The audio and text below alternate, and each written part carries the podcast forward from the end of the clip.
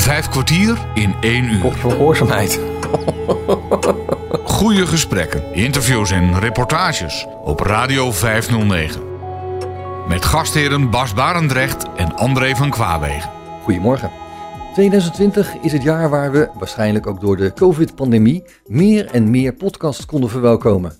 Maar 2020 is ook het jaar waar we afscheid gaan nemen van de in de basis allereerste podcast, dat zo'n 15 jaar geleden zijn eerste uitzending had. Bas praat hierover met Grit Wilshuis. Goedemorgen Grit. We hebben elkaar een tijd geleden gesproken. En nu zal het denk ik in elk geval wat dit betreft voor de laatste keer zijn. Want Horizon gaat weg. Ja, inderdaad Bas. Uh, goedemorgen, goede zondagmorgen. Ook aan alle luisteraars van uh, vijf kwartier en een uur. Inderdaad, dat, uh, dat gaat gebeuren, ja. Kun je want ik wil nog even terug naar uh, wat er allemaal zo geweest is en, en, en hoe je het gedaan hebt en gevonden hebt. En gaan zo maar door. Kun je even teruggaan naar het begin? Hoe, hoe ben je eraan begonnen aan vijf kwartier? Ja, nou, um, ik ben begonnen aan vijf kwartier omdat iemand die nu in Apeldoorn woont, vroeg of ik iets wilde doen voor de webbox die toen nog in de kinderschoenen stond. En zo ben ik ermee begonnen, want uh, die persoon die vroeg mij om iets te doen waardoor je kon laten zien dat de webbox heel actueel kan zijn. Dat je iets kunt uitzenden uh, vlak nadat het is opgenomen bijvoorbeeld en dat iedereen dat dan gelijk kan horen. Dat, dat was uh, volgens mij een beetje het uitgangspunt ja. destijds van Horizon. Dat heette nog geen Horizon uh, in het begin. Maar dat was een beetje het uitgangspunt. En ja, ik, wij kenden elkaar, want die persoon in Apeldoorn, daar praat ik nu mee. wij kenden elkaar van de lokale omroep in Schiedam. En daar hebben we een aantal jaren samen programma's gemaakt als vrijwilligers. We zijn ook gestopt op een gegeven moment, maar we, we hebben elkaar eigenlijk nooit uit het oog verloren. En ja, zodoende uh, kwamen we elkaar weer tegen. En jij bedacht zeg maar, het concept van de webbox, hè, want dat is toch wel zo, denk ik. Ja. En, en zodoende, uh, ja, zo, zo is het eigenlijk uh, begonnen. Ja. Volgens mij, tenminste, wat ik me ervan kan herinneren hoor. Uh, ja, klopt dat een beetje wat ik vertel? Ja, dat klopt. Maar ik ben even geïnteresseerd in hoe je het toen hebt opgezet. Want Karel okay. Raven van Solutions Radio heeft je daar toen officieel voor gevraagd. En, en toen? En toen? Ja, nou het was ook nog zo, uh, Bas, dat in het begin uh, heb ik het uh, vrijwillig gedaan. Omdat het een, een pilot was, heb ik het een, ik denk een vijftigtal horizons heb ik vrijwillig gemaakt. Naast mijn werk als freelance journalist. En op een gegeven moment was het zo dat het ging wat verder met de webbox. En het was ook zo dat ja, ik moest een keuze maken tussen een opdracht die ik kreeg of de webbox. er waren dus verschillende opties die ik had. En toen heb ik ja, de brutale schoenen aangetrokken en gezegd van, nou ja, dat wil ik, ik wil het wel doen, maar ja, zou het gesponsord kunnen worden? En Karel Raven en Marianne van der Meulen toen nog, ook nog, waren zo sportief om, om dat te gaan doen.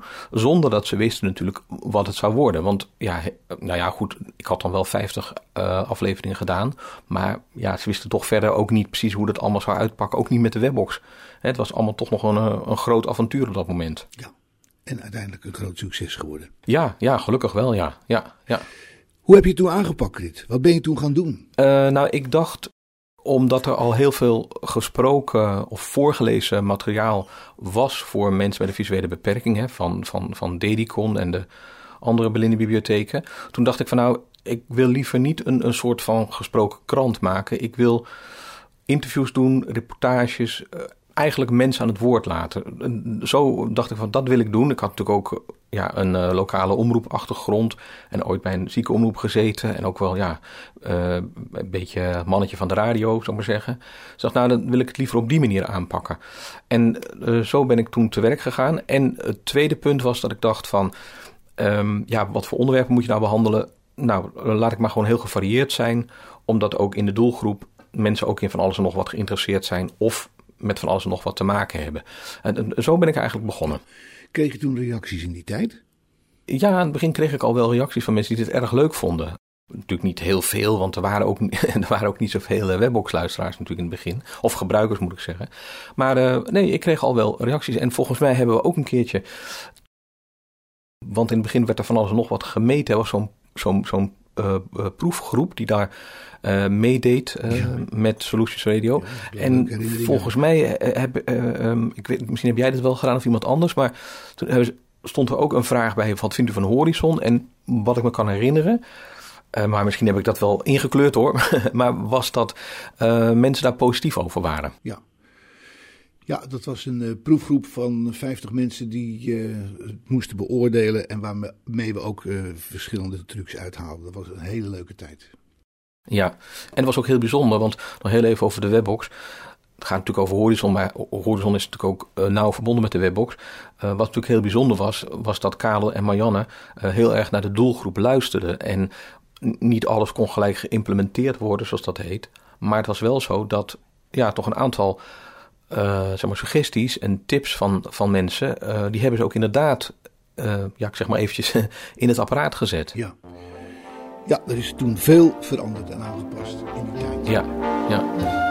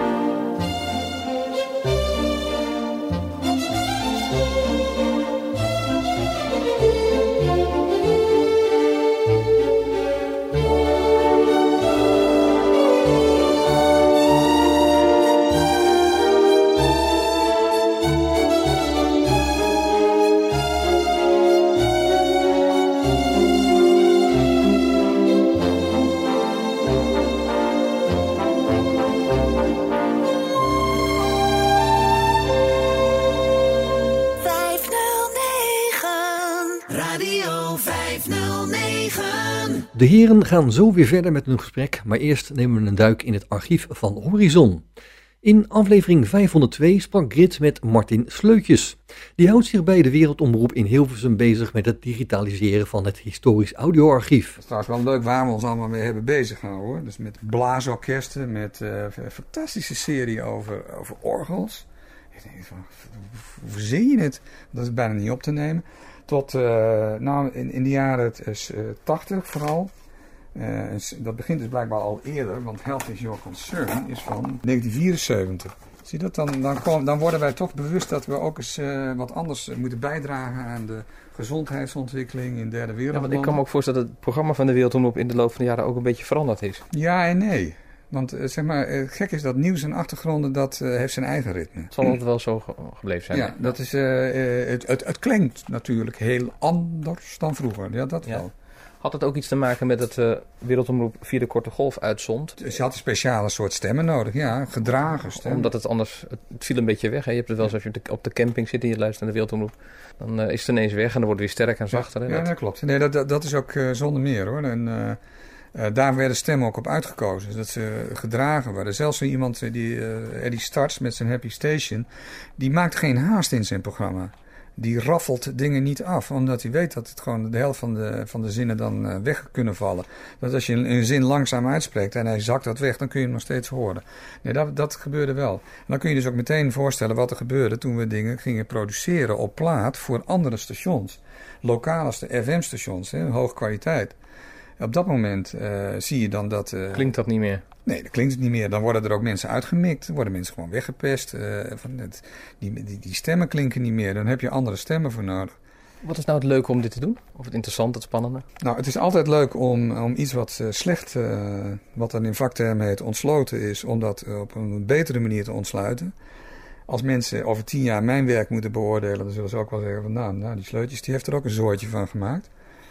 Uh, dat zal best, maar het is in elk geval beter ontsloten uh, dan nu is. En de kans dat het daardoor hergebruikt kan worden, uh, is veel groter. En, ehm, hergebruikt intern. Ik bedoel, we hopen dat we op die manier dingen kunnen, gewoon weer in de uitzending kunnen zetten. of met weinig montage weer in de uitzending kunnen zetten. Nou, dat is de ene kant, dat is zeg maar het, gewoon het, ja, de beroepsethiek. En het spannende is natuurlijk gewoon iets uit de kast trekken en dan zeggen rek, Wim kan. Ja, ik weet niet of dat dit Wim kan is. Nee, dan zeggen we even dat dit Wim kan is, maar dat kunnen we toch niet zien. Nee, traditione nee, traditionele muziek Frans. Nee. En, en, en dat, je, dat je dus dingen uit de kast trekt. En je zegt van, hè, dat wij dat hebben. We hebben, uh, we hebben heel veel uh, nou, om, Wim Kan als voorbeeld te nemen, uh, heel veel cabaret. Omdat dat uh, internationaal, of het, via de Wereldomroep, werden mensen bekend. De eerste oudejaarsconferentie van Wim Kan is ook door de Wereldomroep uitgezonden. Niet door de VARA? Niet door de VARA, nee, dat, dat mochten ze hopen. Maar Je keert weer terug naar het heden. Waar Bas Barendrecht met Krit Wilshuis spreekt over het stoppen van het audiomagazine Horizon. Krit, is Horizon veranderd in de loop van deze tijd? Ja, ik denk het wel. Ik denk het wel. Uh, kijk, het was zo dat in het begin ik weet, ik weet nog wel, de, de allereerste aflevering die ik heb opgenomen, die, dat was van een molendag uh, in, in, in mijn woonplaats uh, Maasluis. Nou, die molendag was landelijk hoor. Maar toen dacht ik van, uh, oh ja, ik moet, ik moet ook nog iets doen voor de webbox. Wat zou ik eens kunnen doen? En toen dacht ik, oh, het is molendag, ik ga naar de molen. Dus ik ben helemaal onvoorbereid, ben ik daar naartoe gegaan. Al die mensen die kenden me al van de krant in Maasluis, dus dat was geen punt. En toen ik uitlegde waarvoor het was, wilden ze allemaal wat zeggen. En de, de molenaar uh, ging met me naar de top van de molen. En allemaal geweldig. Nou, ik denk vijf, zes, zeven minuten was dat, denk ik. En toen was het gebeurd. En ook uh, de tijd daarna, dacht ik... Oh ja, ik moet morgen nog iets doen. Wat zal ik eens doen? Dus het was een beetje hapsnap. Maar op een gegeven moment... En ik weet niet zo heel goed meer precies wanneer dat was hoor. Maar op een gegeven moment toen dacht ik van ja, dat werkt niet zo. Of je, want je, je holt dan steeds van de ene en de andere dag. En toen ben ik gaan bedenken van ik moet dingen voor gaan bereiden. Ik moet mensen van tevoren gaan bellen, afspraken met mensen gaan maken. Uh, sommige dingen dacht ik van nou, dat moet ik telefonisch doen, want ik kan niet vijf dagen per week door het hele land heen crossen, ook vanwege mijn andere werkzaamheden. Dus ik ben er toen wat meer structuur, structuur aan gaan brengen. Um, het was ook vaak zo dat ik ja, als je vijf dagen per week zo'n ding moet maken, dan is het ook wel zo handig als je bijvoorbeeld ergens bent geweest en je hebt een reportage die wat langer is, dat je die kan knippen in een aantal delen. Dus dan deed ik bijvoorbeeld drie dagen, soms ook zelfs wel vier, over een bepaald onderwerp. Daar ben ik um, later een beetje op teruggekomen, omdat ja, dan ben je wel erg lang met één onderwerp bezig. En toen ben ik ook op een gegeven moment, dat heeft wel, nou dat heeft wel een aantal jaren geduurd hoor, um, want ik ben in zes begonnen met een echt schema ben ik pas begonnen, denk ik, in tien of zo. Maar toen heb ik een, schema gemaakt en dan zette ik alle horizon-afleveringen in. Een soort kalender was dat. En dan ging ik dat invullen. En dan maakte ik echt een planning. Dan dit en dan dat. En bovendien was het ook zo dat op een gegeven moment uh, werd ik gesponsord ook door de Oogvereniging. Overigens daarvoor al door de NVBS ben ik ook uh, een tijd lang gesponsord. Uh, naast uh, Solutions. En ja, die hadden ook wel eens wat vragen van, ja, wat wil je er nou eigenlijk mee? En zit er eigenlijk wel structuur in? En toen ben ik een structuur gaan bedenken.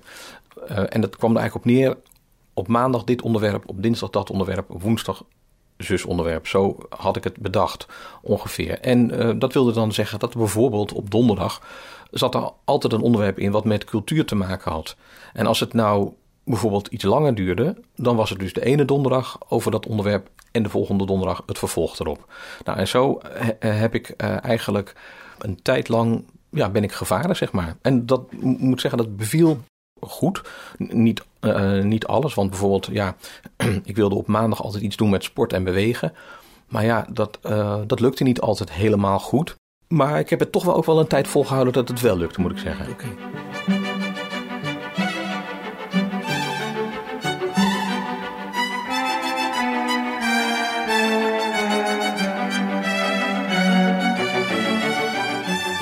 Het Horizon-archief ben je aanbeland bij aflevering 1041. Grit kondigt zelf aan met wie hij toen sprak. Reinier Slingerman. Een heleboel oogziekten die gaan ook gepaard met vaatgroei. Dus ik heb eerst eindeloos onderzoek gedaan als student en later als promovendus naar vaatgroei in met name kankergezwellen en bij wondgenezing. Maar ik ben oogarts geworden om dat onderzoek toe te passen in de oogkunde. En dat doe ik nu eigenlijk nog steeds. Ja, hoe belangrijk is dat, vaatgroei in het oog? Ontzettend belangrijk. Vaatgroei is het eigenlijk het belangrijkste proces. Ja, dat is makkelijk voor mij om te zeggen. Maar dat is het belangrijkste proces eigenlijk wat je op dit moment zou willen onderzoeken. Waarom? Omdat uh, alle belangrijke aandoeningen die op dit moment niet goed te behandelen zijn in Nederland. De belangrijkste oorzaak van blindheid bijvoorbeeld, dat is leeftijdsgebonden maculodegeneratie, ja. ouderdomsblindheid. Daar speelt vaatgroei een essentiële rol. Bij diabetische retinopathie, dat is het probleem wat suikerziekte in het oog veroorzaakt. De ernstigste variant daarvan, de proliferatieve retinopathie, is ook vaatgroei. En zo zijn er nog een heleboel aandoeningen. De problemen die bij bijvoorbeeld uh, hoge bijziendheid ontstaan. Er kunnen allerlei problemen ontstaan, maar een van de allerbelangrijkste is vaatgroei onder het netvlies, in de gele vlek. En zo zijn er nog een heleboel voorbeelden. En als je dat allemaal optelt, is het eigenlijk samen het grootste probleem wat de oogkunde op dit moment kent. waar je iets aan zou willen doen. En het mooie is, er kan ook al iets aan gedaan worden. Nog niet een definitieve oplossing, maar er zijn nu medicijnen die daar iets aan kunnen doen. Ja, maar dan moet langs een uh, chemische weg moet er iets aan gedaan worden. Chemisch, ja, moet chemisch noemen. Er is een stof bedacht en die vangt... Dat, dat noem ik maar chemisch, misschien zeg ik het verkeerd hoor. Maar... Nou ja, er is in ieder geval een medicijn nu beschikbaar voor patiënten. Er zijn een aantal medicijnen beschikbaar. En die kunnen ingrijpen in dat vaatgroeiproces, omdat ze een essentiële schakel uit dat proces weghalen. En die schakel, dat is een, uh, een stofje, wat onder andere dus in het oog zit bij mensen die een ziek oog hebben. En dat stofje heet VEGF. En als je dat wegvangt met dat nieuwe medicijn, dan zet je als het ware dat proces van vaatgroei stil. Oké, dan kun je het stilzetten, maar niet helemaal genezen. Nee, niet helemaal genezen. Omdat het probleem met het oog is... dat is eigenlijk een, een hele ingewikkelde soort telefooncentrale... met hele, gevoelige licht, hele belangrijke lichtgevoelige cellen. Ja. Het zijn er miljoenen en miljoenen, allemaal cellen... die op een speciale manier met elkaar samenwerken. Als er schade aan die zenuwcellen ontstaat... is die schade niet terug te draaien. Dus het probleem is dat als bijvoorbeeld die vaatgroei al ver gevorderd is... en veel schade heeft aangericht... dan kun je niet met dat medicijn die schade terugdraaien. Je kunt wel het proces stopzetten... En soms geeft dat een klein beetje verbetering, maar vooral kun je zorgen dat iemand niet nog slechter gaat zien. Ja, dat heb ik altijd begrepen. Het oog is een heel ingewikkeld orgaan. Eigenlijk weten we er nog niet, helemaal niet zoveel van, hè? Nee, dat klopt. We weten ook niet zoveel van. Maar dit is één dingetje wat we nu weten: dat als je dat medicijn met die patiënten in het oog stopt, dan, kan dat veel uitmaken. Ja. ja, ja, ja, maar ik bedoel, ik wilde zeggen van het oog, uh, je zei er heel veel zenuwen aan, het is een, hele, een telefooncentrale noemde u het al. Er gebeurt ook een heleboel in het hoofd, hè, wat met het oog te maken heeft. Ja, absoluut. Het oog is heel ingewikkeld. We weten eigenlijk wel best wel wat over hoe het werkt. Ja, ik overdrijf een beetje hoor. Maar uh, als je daar iets aan zou willen doen, stel dat die, die zenuwcellen beschadigd zijn, ja dan zijn we daar geen middelen voor. Het enige, als je het vergelijkt met de telefooncentrale, wat ik al zei, het enige middel wat wij dan hebben is een bulldozer om te proberen een paar draadjes weer aan elkaar te krijgen. Dat kan niet. Nee. Dus je hebt de middelen en de methode om, om die schade aan dat hele fijne systeem, wat zo ontzettend uit kleine onderdelen is gemaakt, om daar iets aan te doen, om dan die schade te herstellen, dat kunnen we niet. Grit was voor Horizon in gesprek met Reinier Slingeman. En nu is het woord weer aan Bas Barendrecht. Vijf kwartier in één uur. Kit, uh, de belangstelling steeg voor Horizon. Uh, Radio 509 kwam er op enig moment bij. Ja. Ja, toch? Ja. Welke media uh, zonden Horizon toen uit? op dat moment. nog uit? ja, nou op dat moment was het dus de webbox natuurlijk. En ook nog eh, ja, via Facebook en Twitter. En met een RSS-feed op je smartphone. Dat, dat kun je instellen. En dan kun je, als je dat instelt met een bepaalde URL, eh, natuurlijk dan die van Horizon, dan kon je Horizon elke dag uh, automatisch beluisteren. Want dan werd het automatisch erin gezet. En ik heb ook nog een tijd lang heb ik op de site van de regionale hulpmiddelenbeurs gestaan en op die van de slechtziende krant. En op dit moment, om mijn vraag eh, helemaal te beantwoorden, op dit moment is het dan inderdaad de webbox nog, eh, Facebook en Twitter en de RSS-feed. Dat zijn de vier uh, media waar ik op zit, want ik zit niet meer in de app van Radio 509. Nee, want die zei van willen het anders. Ja, die, zei, ja, ja, ja, die zeiden van we willen het anders, inderdaad. Ja, klopt. Dus is het nu vandaag de dag. En voor de luisteraar alweer bijna 14 dagen geleden dat uh, Horizon 3500 uitzendingen heeft geproduceerd. Gefeliciteerd. Ja, ja dankjewel. Ja. Ja, ja, ja, ja, ja, Wat geeft dat voor gevoel, Krit? Want het menig programma kan daar niet aan tippen. Nou, dat is, nou weet je, dat geeft, dan moet ik even goed denken hoe ik dat moet verwoorden. Uh, ja, best wel een beetje trots, laat ik het zo maar zeggen. En ook een beetje, hoe is het mogelijk? Want ik had nooit gedacht toen ik ermee begon dat ik er, nou ja, bij wijze van spreken, dat ik er duizend zou maken of, of 2000. En nou, al helemaal geen 3500. Daar heb ik nooit over nagedacht. Dat is eigenlijk, ja, zo gegaan in de loop van de jaren. Natuurlijk, je ziet natuurlijk wel als je iedere keer een horizon bijzet van, oh, dan gaat er weer, nee, er komt er eentje bij. Maar ja, het is nooit de bedoeling geweest van ik wil in het Kindersboek of Records of zo, of weet ik veel wat. Dat is zo gegaan. Um, en ik denk ook wel, want ik heb natuurlijk ook in voorbereiding op ons gesprek heb ik bijna alle horizons weer bekeken. Niet allemaal geluisterd door, want dat kan niet. Maar wel, ze staan in een lijst en dan kan ik ze allemaal zien. En dan denk ik van, uh, ja, ik heb toch wel veel gedaan al die jaren. Ja, ja. ja, dus dat, ja, ook al een beetje, ja, een beetje verbazing misschien ook wel een beetje, ja. Het liedje van de wind is schuchter, romantisch en nuchter. Het zingt in allerhande talen, de mooiste verhalen over West en over Oost, over droefenis en troost, over dood en overleven, over falen en vergeven. Het vertelt ons dag en nacht van de zwakheid en de kracht, van het vuur dat nooit wil branden, van de hoop die nooit zal stranden. Het liedje van de wind is moedig, kwaadaardig en goedig. Het dobbert tussen toen en heden, van oorlog naar vrede. Het is logisch zonder end en tegelijk inconsequent. Het is onstabiel en rustig, vredelievend en vechtlustig. Het is koud en warm en koel, spijkerhard en vol gevoel. Te triomfantelijk en te treurig, te monotoon en te veelkleurig. Het liedje van de wind is stierig, gulhartig en gierig. Het schommelt tussen leed en vreugde, gebreken en deugden. Het is te weinig en te veel, het is te vrij en te formeel. Wankelmoedig en verbeten, vastberaden en gespleten. Het is het liedje op de grens, tussen het monster en de mens. Het klinkt zo in onze oren, als wij het zelf het liefste horen. Het liedje van de wind, het liedje van de wind, het liedje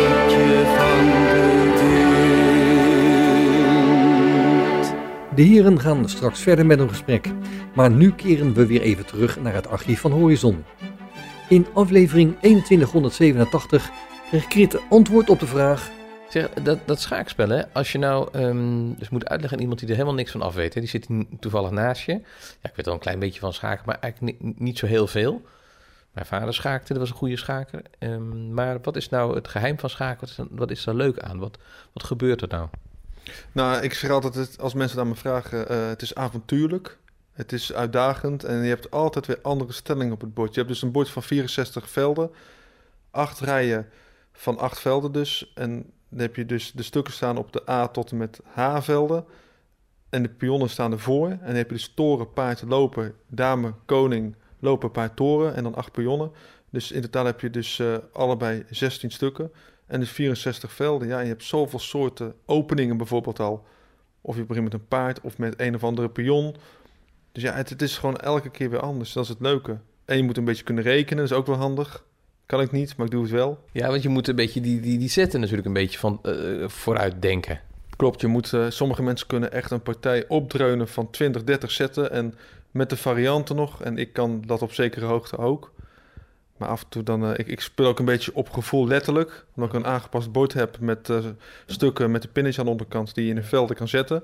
En de zwarte stukken hebben een schroefje waardoor je dus het onderscheid kan voelen tussen wit en zwart. Maar eh, ik, ik echt op gevoel, intuïtie. En af en toe heb ik ook van die avonden dat ik gewoon echt als een... Nou ja, ik ben een amateur natuurlijk, want ik ben natuurlijk geen prof, maar dat ik echt heel slecht speel. En heb ik avonden dat ik echt gewoon heel scherp ben en ook het echt heel goed doe. Men bent natuurlijk altijd afhankelijk van ja, een fout van de tegenstander. Ja, natuurlijk. En als de tegenstander nou erg goed is, dan houdt het jezelf ook misschien scherper. Nou, dat wat je zegt klopt. Er speelt vaak sterker tegen betere eh, mensen als tegenstanders als tegen eh, gelijkgestemden als, of eh, minder geschikte, minder getalenteerde. Omdat je altijd dan het initiatief wil pakken en ook het spel moet maken voor je gevoel. Maar dat heb je bijvoorbeeld ook met voetballers. Ik bedoel, als Ajax tegen Dordrecht speelt, wil Ajax ook beter zijn dan Dordrecht.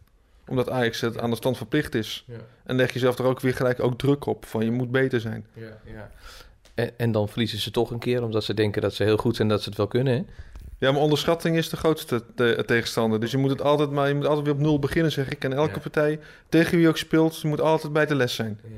Heb je er ook les in gehad? Een beetje. Ik heb iemand in Barend die mij eh, wel eens helpt met dingen die ik aangeef. Mhm.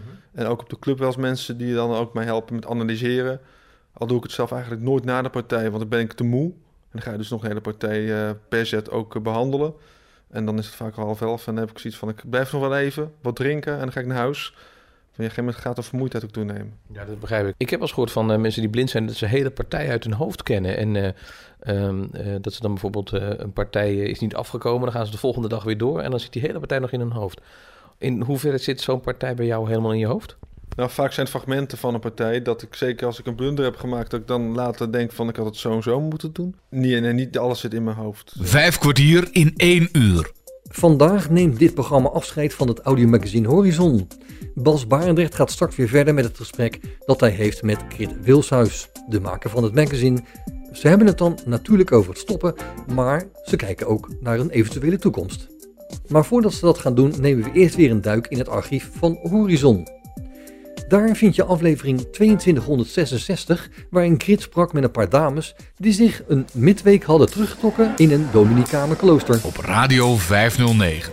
Eh, Anita, is het de eerste keer dat je in een klooster komt? Uh, nou, wel in een klooster dat in, in bedrijf is. Vorig jaar uh, ben ik ook mee geweest naar, het, uh, naar de midweek van de OOG. Maar toen was het in een voormalig klooster. Dat klooster was niet meer echt in, in werking, maar dit klooster wel. En daar ben ik, dus ik ben voor het eerst in een klooster waar ook nog echte paters wonen. Ja. Hebben jullie contact gehad met die paters eigenlijk? Eigenlijk nauwelijks. Ze zijn we elke keer in de, in de diensten bij ons en dan hoor je ze ook zingen. Maar uh, de enige keer dat, dat we even contact met ze hadden is toen we, uh, dat was dinsdag, toen hadden we ook uh, Eucharistieviering. En toen wensten we elkaar allemaal vrede en toen kwamen ze ons allemaal een hand geven om ons ook vrede te wensen. Ja. Oké, okay, was dat bijzonder? Ja, het was bijzonder, ja. ja. Oh. Het dondert en bliksemt. Want het was een hele benauwde dag vandaag en dat moest een keer ervan komen. Dus dat is er nu van gekomen. Harde klap net. Wat, wat vind je ervan om hier te zijn? Ik vind het wel bijzonder om hier te zijn. Het is uh, goed om, uh, om eens een week gewoon hele andere dingen te doen dan normaal. Je bent met jezelf bezig. Ik probeer me ook op God te richten. En uh, ja, dat, dat, dat, dat, dat is wel goed om dat eens te doen. Ja, doe je energie op ook? Ja, ja. Je denkt na over jezelf, over dingen. En dat, uh, dat is wel eens goed. Normaal kom ik daar nooit zo aan toe. Dus. Ja, volgens mij ben je ook druk, hè? dag in dag uit. Ja. Dan heb je er eigenlijk helemaal geen tijd voor. Of je neemt de tijd er niet voor. Dat is het, hè. Je ja. neemt de tijd er niet voor. We keren weer terug naar het heden, waar Bas Barendrecht praat met Kit Wilshuis. En ze spreken over het stoppen van het audiomagazine Horizon. Je hebt ze allemaal nog, alle uitzendingen? Ja, ik heb ze allemaal nog. Ja, ja, ja ik heb ze, uh, ze staan allemaal nog in de playlist van de webbox. Uh, dat is, uh, daar kan, een webboxgebruiker kan er zelf niet bij, maar uh, ik dan wel, omdat ik daar dan dingen in zet. En ik heb ze ook nog op harde schijf staan. En in het begin, want dat was ook nog zo, in het begin heb ik het opgenomen op minidisc. En die heb ik ook nog, nou die minidisc heb ik nog allemaal. En toevallig, een paar weken geleden, was ik wat in voorbereiding voor een Horizon-uitzending, was ik iets aan het zoeken op minidisc. En toen kwam ik oude uitzendingen tegen. Uh, bijvoorbeeld met, uh, wat was ik nou tegengekomen? Uh, met Evert Mouw over zijn klokkenmuseum. Dat, ja, dat soort dingen allemaal. Leuk, ja. leuk. En, en wat ook nog was, misschien is het ook wel leuk om heel even te vertellen. Kijk, Horizon is natuurlijk veranderd in de loop der jaren. In het begin zei ik gewoon zelf van, nou, dit is Horizon, aflevering 3. en, en ik ben nu bij Jan, Jan en Piet. ik zeg maar wat, of zoiets dergelijks. Toen, na een tijdje, ik weet niet precies wanneer hoor, maar dat zou ik moeten nakijken. Na een tijdje uh, heb ik aan Donald Amakas gevraagd of hij de sponsormededelingen wilde inspreken. En ik ging er ook bij zeggen op welk, welke dag het was. Want, uh, en welke, uh, de hoeveelste aflevering. Dat deed ik in het begin ook niet. Maar op een gegeven moment had ik er een aantal gemaakt. En toen waren er wat blinden. En die vonden het allemaal een beetje verwarrend. Van ja, welk is het nou? En, en heb ik die al gehoord? En waar gaat die over? En toen ben ik ook gaan zeggen het nummer van de aflevering en het onderwerp. Ja.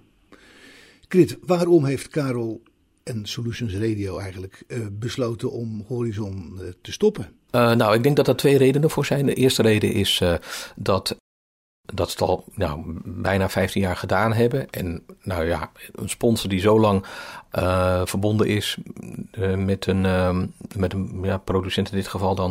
Ik denk dat is, dat is heel bijzonder. Um, een andere reden is uh, dat Solutions vond dat de luistercijfers tegenvielen. dat er te weinig naar geluisterd werd. En ja, misschien nog wel meer redenen hoor, maar dat zijn volgens mij wel de belangrijkste redenen. Je kan natuurlijk ook nog wel zeggen van uh, misschien heeft Horizon wel zijn functie verloren. Want ja, tegenwoordig kun je op een heleboel manieren met elkaar communiceren. En dat was toen niet zo. Uh, daar, uh, dat wil ik ook wel ruidelijk toegeven hoor, dat, dat er allerlei dingen bijgekomen zijn.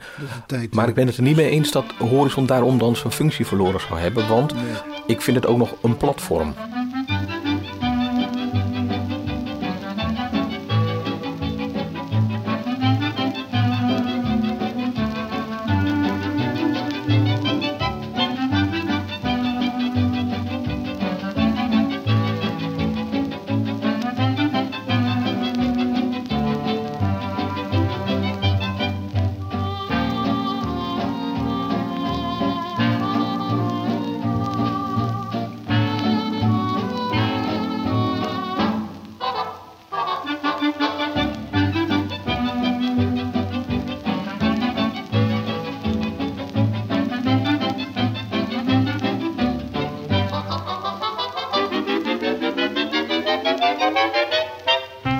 A little Dutch mill on a little Dutch hill where the little Dutch stars shine bright.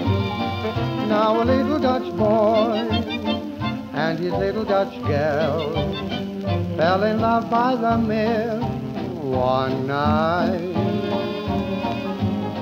Up above the Dutch moon made the scene complete.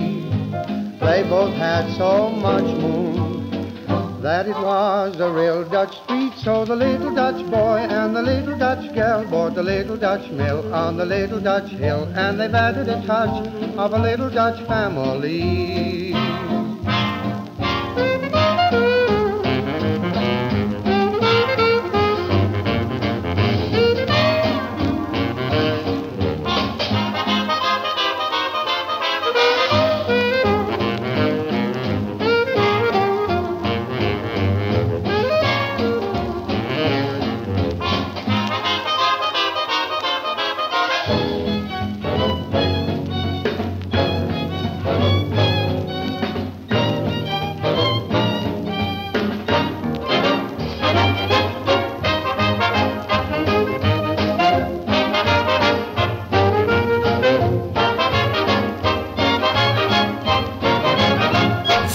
In één uur. Op donderdag 16 maart 2017 is dit aflevering 2693. Wazig zicht, nooit meer scherp, deel 2 van 2. Dit is het culturele audiomagazine Horizon.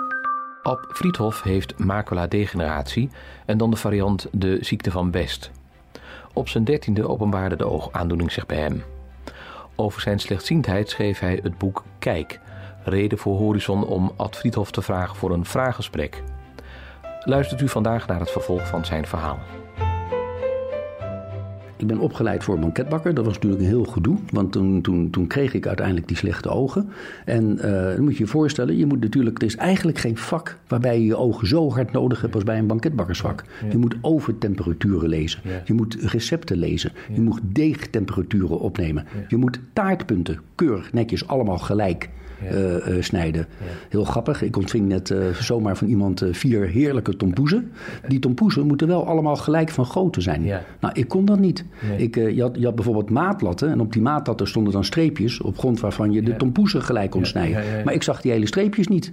Dus mijn tompoezen, de ene tompoes was altijd groter dan de andere tompoes. Nou, dat vonden de bazen van mij. Want ik heb dat banket. Klanten vonden dat wel leuk waarschijnlijk. Klanten die die grote kregen vonden dat leuk.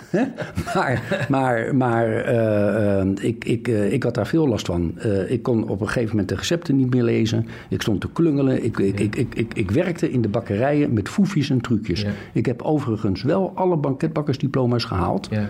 Maar de examinatoren, die uh, lazen voor mij de recepten ja, voor. Ja. En die keken naar de overtemperaturen. Ja. En dat had al een signaal moeten zijn dat het banketbakkersvak eigenlijk niet paste nee. bij slechte ogen. Nee, nee, nee. Maar vond je het wel leuk om te doen? Ja, ik vond het wel verschrikkelijk leuk om te doen. En uh, vooral ook met de collega's in de bakkerij. Het was een echt ambacht.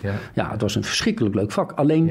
Dat, heeft, dat is eigenlijk mijn hele leven verder doorgegaan zo. Het was een leuk vak. Ik kon het wel aardig, maar net niet. Hè?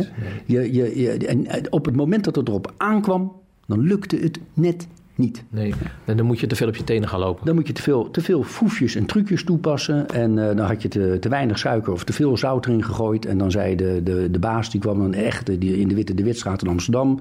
En die kwam naar me toe die, die, ging het, die ging het beslag keuren. En dat was dan veel te zout in de plaats van zoet. Ja. En die zei dan echt tegen me, geef dit maar aan je oude moer. en maak er maar omeletten van. Ja? Ja, In de plaats van slag om taarten. Ja. Op een gegeven moment is dan ook die omslag gekomen van... Uh, er zit nog wel, er is nog wat tussen hoor, maar dat mogen de mensen ook... Uh, in het boek lezen. Maar op een gegeven moment ben je weer gaan studeren. Dat was wel een hele omslag. Ja, toen het echt uh, in de banketbakkerij, in de horeca, echt helemaal niet meer ging. En uh, uh, deskundigen dat ook doorkregen. en mijn, mijn, mijn hoogleraar oogheelkunde tegen me zei... Ab, je moet echt gaan omscholen naar een vak waarbij je, waarbij je in ieder geval ook zittend werk kan doen. Dat is veel rustiger voor jouw ogen. Want bij mij deinste en danste alles, die, die lichtgevende staafjes en kegeltjes, allemaal maar in de ronde. En de oogarts, mijn hoogleraar, adviseerde echt: probeer een zittend vak eh, eh, te gaan doen. Probeer om te scholen. Nou, toen is de rechtenstudie in beeld gekomen. Overigens vond ik dat eigenlijk ook eh, ja, bijna toch wel krankzinnig. Want toen ging ik ineens van hele grote letters, de chocoladeletters Ja. en de banketletters, ging ik naar hele kleine lettertjes. je zeggen de kleine lettertjes. Ja, de rechtenstudie, dus met allemaal kleine lettertjes. Maar toen heb ik als slechtziende eh, heel erg geleerd dat met hele goede hulpmiddelen, dat je dan vervolgens een heel eind kan komen. Hè? Dit was een deel van een aflevering van Horizon dat uitgezonden werd op 16 maart 2017. Bas Barendrecht en Grit Weelshuis gaan weer verder over het stoppen van het audiomagazine. Eh, hoe ziet de toekomst van Horizon eruit op dit moment? Nou, ik- ja, nou ja, kijk, weet je, ten eerste ehm, eh, wil ik ook nog heel wat zeggen over die, over die luistercijfers. Want ehm, eh, laat, ik- laat ik dit zeggen, ik, ik ben Karel dankbaar en Solutions voor het feit dat ze me zo lang hebben gesteund. Dat, is, eh, dat, dat ben ik. Ehm, ik ben het natuurlijk niet mee eens dat ze ermee stoppen. Ja, waarom zou ik het daar wel mee eens zijn? Ja. En ik vind ook eh, dat verhaal over die, die luistercijfers dat het te weinig is. Ja, oké, het mag best meer, daar gaat het niet om. Aan de andere kant denk ik, eh, wij leven heel erg in een wereld eh, waarin kijkcijfers, luistercijfers, oplagecijfers, eh, bezoekcijfers, dat moet allemaal hoog zijn. Want als dat niet hoog is, is het niet goed.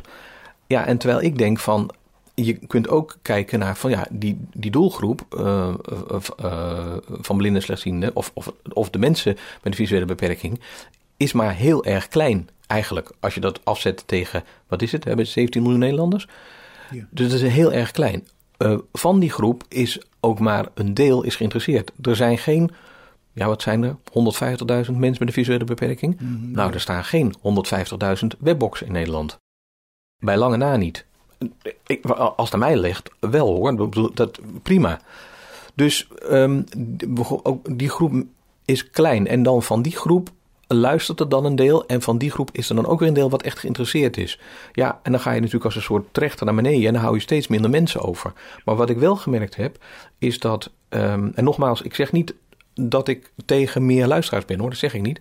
Maar het is wel zo dat in de reacties die ik gekregen heb nadat ik gezegd heb van dat het gaat stoppen, heb ik toch een heleboel inhoudelijke reacties gehad van mensen die, die precies aan konden geven waarom zij Horizon belangrijk vinden. En ook waarom ze het gaan missen als het er niet meer zou zijn. En dan denk ik van ja, en voor die mensen doe ik het. Kijk, als je bij een ziekenomroep werkt in een ziekenhuis, dan liggen er misschien 500 mensen in het ziekenhuis. Daar luisteren misschien 12 mensen luisteren naar die ziekenomroep. Maar die, en die vragen dan bijvoorbeeld een plaatje aan van iemand van buiten het ziekenhuis. Tenminste, in mijn tijd was dat dan zo. Maar die mensen hebben wel de avond van hun leven. En dan denk ik van ja, oké, prima. Eh, ja, het is, eh, het is minder dan op Hilversum 1 op dit moment, waarschijnlijk. Maar het is wel, het is anders. Het is anders. En, en dat is ook wat bijzondere. Ehm, en ja, en nog even over solutions. Kijk, ik respecteer natuurlijk wel die bes- dat besluit. Ik bedoel, dat, dat, is, eh, dat is duidelijk. En ik blijf ook, wil ik ook wel even zeggen, ik blijf ook wel nog het een en ander voor de webbox doen. Dus wat dat betreft. Je bent de stem van de webbox. Ja, ik ben de stem van de webbox. Ja. Ja, ik zal je vertellen, ik, ik heb een keertje meegemaakt ergens. Want ja, weet je, eh, het is ook zo, als je zo'n horizon zit te maken, dan, dan ben je bezig. En ja, dat, dat doe je dus helemaal alleen. Eh, en je praat tegen je beeldscherm of, of tegen een muur of tegen een kus of weet ik veel wat. En dan denk je maar van, daar zit een, dat is dan een luisteraar of wat dan ook. Maar ja, ehm, en ik kende natuurlijk wel behoorlijk wat mensen in de doelgroep, maar niet allemaal. En ik heb wel meegemaakt dat ik dan ergens kwam voor een reportage. En dan stelde ik mezelf maar voor. Denk, ja, eh, ik bedoel, eh, je kunt ook niet ru- ruiken wie ik ben. En dan, eh, dan kreeg ik heel vaak te horen van ja, ja, maar, ja, maar we kennen je wel hoor. Want, want, ja, want je staat elke ochtend sta ik met je op. En dan, nou, dat was dus dan dat dan de stem van de webbox ben, zeg maar. Ja, ja, ja, ja. Leuk.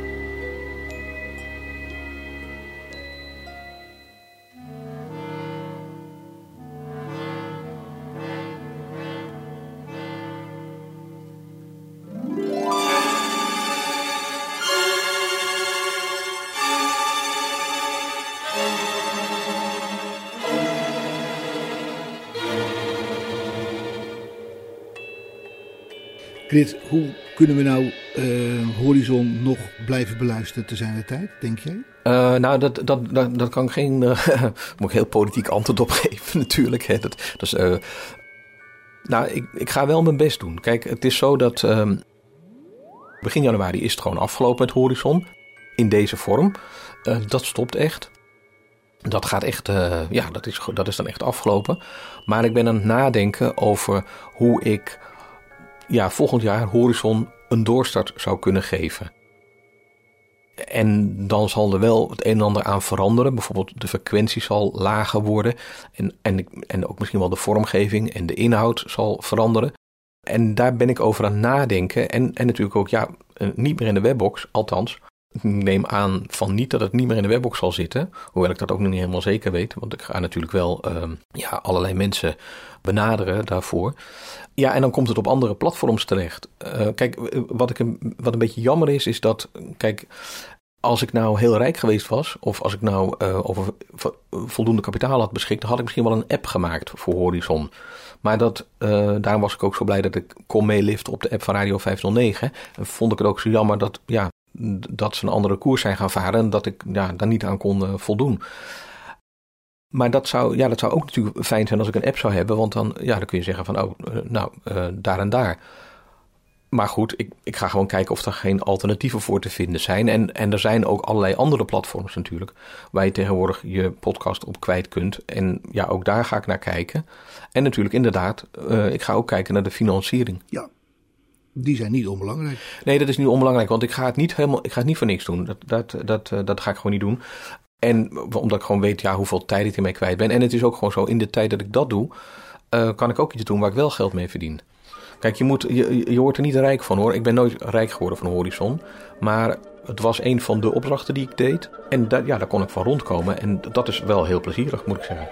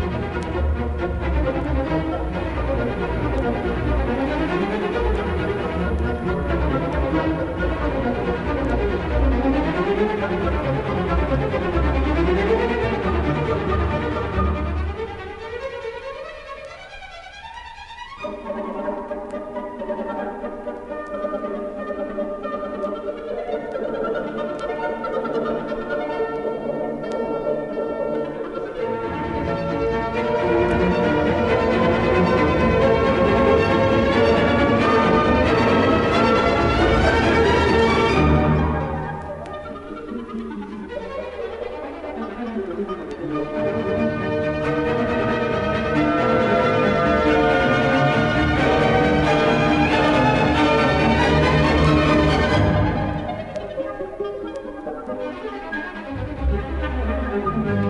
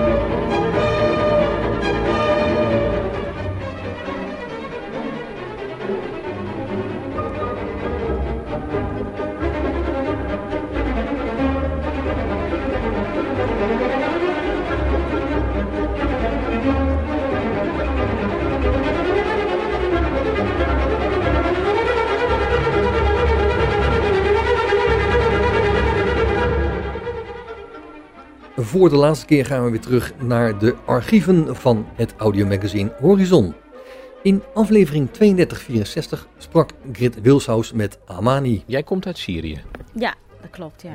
En even voordat, dat vragen ze aan mij altijd wat mijn naam betekent. Maar dan ga ik het even aan jou vragen. Wat betekent jouw naam Amani? Eh, mijn naam Amani betekent eh, wensen in het Arabisch. Oké.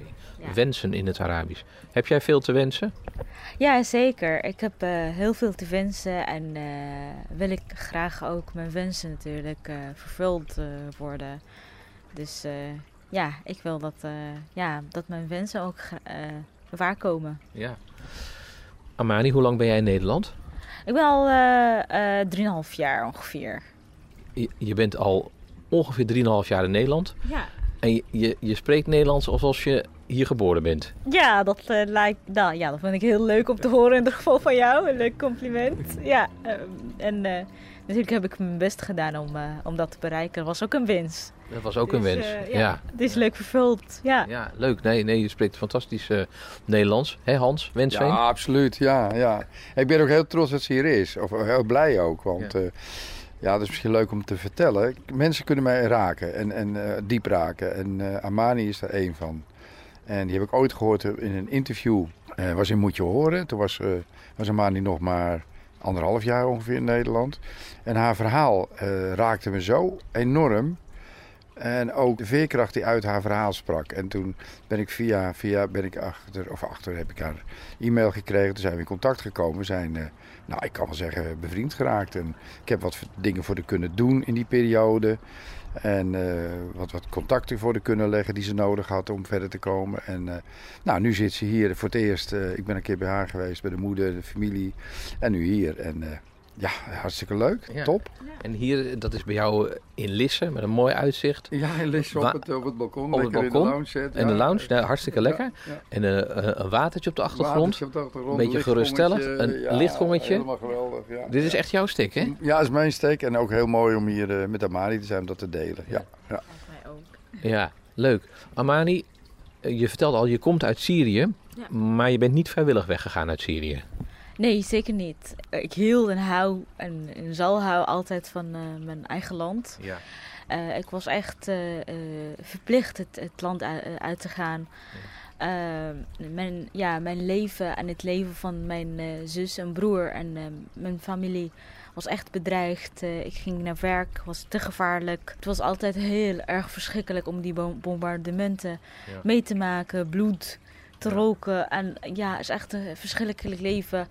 Als er vuur uh, ergens was, wist ik niet. Mijn weg wist ik niet uh, nee. waar ik heen moest. Nee. Uh, ja, en uiteindelijk heb ik toch besloten om, om, ja, om lieve Syrië gewoon te ja. verlaten. Ja. Nou, is er iets wat we nog niet verteld hebben? Mm -hmm. Want ik zit tussen twee mensen die allebei uh, iets aan hun ogen hebben. Ja. Dat hebben we niet, heb, ik niet gezegd, heb ik niet gezegd in het begin. Dat heb ik niet gezegd in het begin, want dat hoor je, dat hoor je toch niet, dus het is niet belangrijk. Nee, nee, nee, maar ik vind nu wel belangrijk om te vertellen, want ben je slechtziend of blind? Nee, ik ben helemaal blind. Je bent helemaal blind. Ja. En ben je blind geboren? Nee. Het uh, was uh, door een ongeluk op mijn veertiende. En uh, onder een operatie, uh, natuurlijk ook de medische help is, uh, of zorg is niet zo best in Syrië. Dus en daardoor werd ik gewoon blind onder gewoon een operatie. Ja. Ja. Je keert weer voor het laatst terug naar het heden, waar Bas Barendrecht met Krit Wilsa spreekt over het stoppen van het audiomagazine Horizon. Hé, hey, maar mag ik nog een, een kleine opmerking maken? Want Tuurlijk. nou, ik wil uh, nogal wat zeggen. Want kijk, ik heb natuurlijk uh, heel veel Horizons heb ik, heb ik uh, zelf gemaakt. Maar ik heb ook samen met jou heb ik, dingen gedaan. We hebben ook dingen gedeeld samen. Ja. Bijvoorbeeld, waar ik heel goede herinneringen aan heb, is bijvoorbeeld aan het Dikkesfestijn. Dat was volgens mij in ja. 2015 ja. in Deventer. En daar zijn we samen naartoe geweest. Uh, jij hebt opnames gemaakt voor vijf kwartier en ik heb opnames gebruikt uh, van vijf kwartier voor eh, Kersthorizon. Maar ook zelf dingen opgenomen. En ja, en zo zijn er ja, tal van andere dingen geweest volgens mij. eh, waar we samen wat gedaan hebben. Ja, en, en da- daar wil ik je ook voor bedanken. Want het is gewoon ja, heel prettig om met iemand te kunnen samenwerken die ook kan interviewen. Dat is gewoon heel leuk. En Emiel Cornelissen kunnen we dan niet, niet vergeten. En Emiel Cornelissen, ja, ja, die moet ik ook helemaal niet vergeten. Nee, met Emiel heb ik ook heel veel samengewerkt. En ook eh, op een hele prettige manier. eh, voelde elkaar ook eh, leuk aan. En, en wat ik ook moet zeggen, eigenlijk alle mensen die ik gesproken heb voor Horizon, die vonden het altijd leuk om mee te doen. Ik heb nooit, ja, er was misschien iemand die eens een keertje niet kon of zo. Of ja, iemand was eens ziek of wat dan ook. Maar ik heb nooit negatieve reacties gehad van mensen dat ze zeiden van... eh, eh, oh, eh, wat is dat dan? En eh, ja, nou, nee, ik ben niet geïnteresseerd hoor. Eigenlijk iedereen, of eigenlijk iedereen vond het leuk om mee te werken. En dat is eigenlijk ook een stimulans geweest voor mij om dat al die jaren vol te houden. Want ja, dat, dat geeft gewoon energie. Kort en goed, Krit. Ik wens je een hele goede toekomst. En ik weet zeker dat we je terug horen. En laat dat gezegd zijn. Je hoorde Bas Barendrecht in gesprek met Krit Wilshuis van en over het audiomagazine Horizon. Dit is overigens niet de laatste vijf kwartier in een uur, want na het nieuws hebben Bas en ik nog een speciale uitzending voor je klaarstaan en werpen we een blik terug in de tijd, waar je veel onderwerpen en mensen die het afgelopen jaar in dit programma de revue passeerden gaat horen. Lukt het je nou niet om straks te luisteren, dan wensen Bas en ik je nu alvast een fijne jaarwisseling toe. Heb je overigens nog vragen of opmerkingen of wil je misschien zelf wel eens aan het woord komen? Dan kan je, als je wil, een mailtje sturen naar bas.radio509.nl. Geniet van de rest van deze zondag, blijf luisteren naar Radio 509 en tot een volgende keer. Vijf kwartier in één uur is een programma van Bas Barendrecht. Techniek André van Kwaabegen.